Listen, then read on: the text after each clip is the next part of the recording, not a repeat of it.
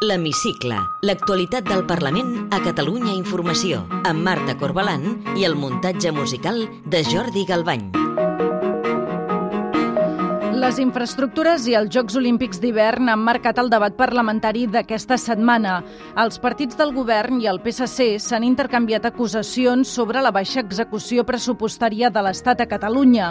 Amenaces també creuades entre la Generalitat i el govern de l'Aragó, després que l'executiu de Pere Aragonès s'ha decidit a fer el pas i presentarà una candidatura en solitari als Jocs Olímpics d'hivern del 2030. Avui entrevistem la diputada de la CUP Nogai Ndiaye. Benvinguts a l'Hemicicle. Esquerra i Junts han tornat a carregar contra el govern de Pedro Sánchez pels incompliments en infraestructures i per la baixa execució de les inversions pressupostades per a Catalunya, que estan només del 36%. La portaveu dels republicans, Marta Vilalta, ha avisat que si no es corregeix aquesta tendència, que no els busquin per pactar els pressupostos de l'Estat per l'any que ve. Mentre no hi hagi aquests compliments, és evident que no hi ha confiança. I si no hi ha confiança, no hi poden haver nous acords. Ho diem sobretot en relació a futures negociacions que es podrien doncs, a dur a terme de cara als pressupostos de l'any vinent, de cara a altres lleis, de cara al que sigui. El PSC admet que l'execució de l'Estat és baixa, però denuncia que el govern català també té molta feina pendent a fer. En concret, 67 projectes que s'arrosseguen des de fa anys i que encara no s'han dut a terme, com el desdoblament de la C55 entre Manresa i Abrera, el de la C16 entre Berga i Bagà o el de l'Eix de l'Ebre. Jordi Terrades és el portaveu d'Infraestructures del PSC. Després del soroll que s'ha produït aquesta darrera setmana, també volíem posar en valor que de cada 3 euros invertits a Catalunya els darrers eh, 10 anys, dos els ha posat el govern d'Espanya, un l'ha posat el govern de la Generalitat, i que en tot cas eh, en dues administracions eh, tenen deures pendents. I mentre el govern i el PSC es culpen mútuament del dèficit inversor en infraestructures, també s'esbatussen la Generalitat i el govern de l'Aragó pels Jocs Olímpics d'hivern. Després de la falta d'acord per materialitzar una proposta conjunta, el govern català ha decidit presentar una candidatura en solitari. La consellera de la presidència, Laura Vilagrà, està convençuda que tenen capacitat per fer-ho. Ningú ha de tenir dret a veto. En aquest sentit, eh, nosaltres hem parlat informalment en aquest moment amb el COE en relació a aquesta possibilitat, és a dir, ens hem ofert aquesta possibilitat de tenir candidatura pròpia, com els deia, perquè estem preparats per fer-ho, tenim els actius i tenim el territori el vicepresident del govern, Jordi Puigneró, defensa tornar a la casella de sortida. Tornem al punt de sortida. Eh? Jo vull recordar que la, inicialment la candidatura la plantejava Catalunya. Per tant, escolti, si hem de tornar a aquest escenari, doncs nosaltres hi tornarem i, per tant, plantejarem una candidatura catalana, com ja es va fer quan es va plantejar des del, des del principi. En canvi, el portaveu del PSC, Raúl Moreno, insisteix que el govern català i el de l'Aragó han de seguir treballant per fer possible una candidatura unitària i no llançar la tovallola abans d'hora. Estem en una, en una situació en la qual jo crec que eh, unar esforços és el més intel·ligent per part de tots. I demanant, per tant, al govern eh, de l'Advan, però també al govern de Catalunya, que es facin tots els esforços possibles perquè aquesta pugui ser una candidatura conjunta. El líder de Ciutadans, Carlos Carrizosa, ho veu tot perdut i en culpa al govern català. Amb aquests socis de Junts per Catalunya, amb la inoperància d'Esquerra Republicana, amb la, eh, amb la eh, poca vocació col·laboradora amb d'altres autonomies i amb el propi govern d'Espanya, era impossible que aquesta candidatura pogués sortir endavant. El govern de Javier Lambán amenaça amb una resposta contundent si la candidatura en solitari tira endavant i recorda que és un projecte d'estat. De portes endins del Parlament, el serial de les polèmiques llicències per edat continua acumulant capítols. Després de ser eliminades al febrer, ara es volen introduir nous drets per als treballadors del Parlament. En concret, es podran acollir a reduccions de jornada i excedències incentivades a partir dels 60 anys. Així s'ha pactat amb el Consell de Personal de la Cambra i ho ha aprovat aquesta setmana la mesa ampliada a tots els grups. Però la presidenta del Parlament, Laura Borràs, Borràs ha demanat deixar en suspens aquestes dues noves figures perquè creu que s'assemblen massa a les llicències per edat, un privilegi que permetia als funcionaris de la institució cobrar el sou sense treballar uns anys abans de jubilar-se. Té la paraula Jo sóc la Nogai Enviai, sóc diputada de la CUP, portaveu d'Educació. El debat de les infraestructures i dels Jocs Olímpics ha tornat a marcar l'actualitat aquesta setmana. Ara sembla que perilla la candidatura olímpica per fer uns Jocs d'hivern a Catalunya el 2030 es dona per perduda l'opció de fer una candidatura conjunta amb l'Aragó, però la Generalitat ha anunciat que vol liderar el projecte en solitari. Com ho valora la CUP?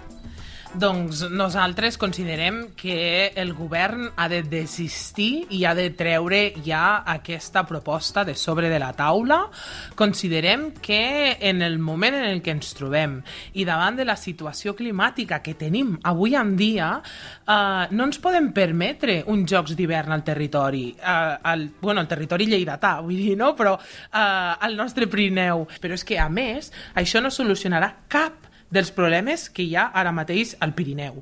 A què atribueix aquesta insistència del govern català per fer els Jocs? Um, jo crec que això respon a altres interessos, a altres interessos econòmics eh, o urbanístics que deu tenir el propi govern eh, al, al, al nostre territori. I aquests interessos encara no els ha fet públics, però com tots sabem, no, la realitat acaba caient pel seu propi pes i segurament en els propers anys eh, no, coneixerem aquests interessos que s'amaguen al darrere d'aquesta proposta i llavors és quan totes ens tornarem a posar les mans al cap i tornarem a assenyalar no, aquesta proposta com una proposta eh, negativa per al nostre territori i positiva per als butxaques d'uns quants. Aquesta setmana hem sabut que Escòcia eh, vol fer un segon referèndum d'independència abans del 2024, encara que el govern britànic veti aquesta consulta. Creu que Catalunya hauria d'aprofitar aquest moment, aquest eh, escenari eh, internacional per posar damunt la taula l'opció de fer un nou referèndum? Eh, jo crec que no juguem en igualtat de condicions, que Catalunya hauria d'aprofitar aquest moment per tornar a posar el tema del referèndum a sobre de la taula, totalment d'acord. Que ens trobem en les mateixes condicions que Regne Unit per poder-lo dur a terme amb garanties, eh, això ja és un altre tema. Per tant, dedueixo pel que m'explica que la CUP seria partidària de tornar a proposar el nou referèndum, però que potser no es podria fer aquesta legislatura. No estic ben bé dient això. Uh, jo crec que hem d'aprofitar la vinentesa de tenir el referèndum uh, d'Escòcia sobre de la taula per eh, tornar a posar el tema del referèndum a Catalunya. Uh, però hauríem de dibuixar bé les línies i, i crear l'escenari idoni per garantir eh, no, la supervivència no només del moviment, sinó de totes les persones implicades. No podem tornar a tenir 3.000, 3.500, 4.000, 5.000, 6.000 persones represaliades, persones exiliades i persones empresonades. Eh, no, amb això no vull dir, no vull dir que s'hauria d'ajornar a, a, a una altra legislatura. No, jo crec que hem d'aprofitar el context per tornar a posar eh, el tema del referèndum a sobre de la taula i començar a dibuixar les línies per garantir-ho i, i, i establir una estratègia. I veu els socis de govern Esquerra i Junts per Catalunya disposats a posar damunt la taula l'opció d'un nou referèndum? Uh, sembla que dintre d'algun dels socis de govern alguns han tancat ja la carpeta de l'independentisme, com, com, com alguns membres del propi partit deien, i d'altres no, no? I per tant, eh, no m'atreviria no, a albirar eh, eh, el posicionament futur que faran aquests, aquests dos partits ara mateix. El que està clar o el que la gent percep és que no hi ha una estratègia unitària de l'independentisme. No, no hi ha una estratègia perquè no hi ha hagut aquesta voluntat. És a dir, eh, els dos socis de govern, a més, amb, amb la majoria de la cambra, ara mateix, eh, no, no estan fent passes, no? Eh, cap a aquesta causa, no estan eh, garantint mecanismes per a, per a poder avançar en l'independentisme amb garanties, no? eh, preservant eh, la seguretat de totes les persones implicades i de la població i, i no estan demostrant que hagin après no? de tot el que hem viscut fins ara per eh, proposar alternatives eh, que puguin ser fructíferes i que tinguin èxit i, i a més aposten per causes eh, i projectes neoliberals, gran pro, gran, grans propostes, macroprojectes, no? El Hard Rock, els Jocs Olímpics, la Copa Amèrica, eh, no? I, i, I tot gira entorn a això, no? A projectes neoliberals, amb empreses privades, amb, eh, amb grans quantitats de diners per a macroprojectes que no beneficien al territori i que gens aposten per aquesta causa de l'independentisme i per tant eh, no, no està havent-hi aquesta, aquest trobament no? i aquest, aquest punt de trobada per treballar-hi plegades. Permeti'm que li faci ara una pregunta en clau interna de partit. L'exdiputada Mireia Boia s'ha donat de baixar de la CUP aquesta setmana perquè diu que el partit no ha volgut fer cap gest de reparació pública pel cas d'assetjament masclista que va patir d'un company de files. S'ha gestionat bé aquest cas? Nosaltres lamentem que precisament que el sentiment que té, que té la nostra companya sigui aquest, no? de que no, no s'ha acabat de gestionar bé o que el resultat no, no ha estat prou satisfactori per amb ella nosaltres l'emplacem a, a, a que en puguem tornar a parlar i que, si cal, reactivem els mecanismes eh, que ja vam activar en el seu moment i continuem treballant per, per prendre les, les decisions i, i, i dur a terme les actuacions que calgui. Si li sembla bé, ens endinsem ara en el terreny ja més personal i li demano si pot contestar amb respostes al màxim de breu possibles. Per què ha decidit dedicar-se a la política? Quan ets activista, te n'adones que constantment fas lluita al carrer i et dones cops de cap no? contra la institució i que al final són els polítics i els que estan a dins de la institució els que decideixen si apliquen o, o, o provoquen els canvis que tu estàs demanant. No? I al final, quan te'n canses de donar-te aquests cops de cap, doncs passes a l'altra banda, a la banda de la institució, on es prenen aquestes decisions a veure si d'aquesta manera no? es poden produir aquests canvis. Vostè fa molta feina com a activista antiracista. Ha encara molt a fer? Moltíssim. Eh, en tots els àmbits. Eh, a la nostra societat patim un racisme estructural que atravessa tots els estaments eh, i, i tots els sectors socials. Amb quin diputat o diputada que no sigui del seu grup compartiria una sobretaula distesa? Uh, pot ser amb alguna diputada d'educació, no? Perquè és, és l'àmbit que conec i és amb els diputats o diputades amb qui he mantingut més relació en aquests tres mesos que fa que sóc al Parlament i per tant seria amb alguna diputada no? de, de, de, de les comissions d'educació.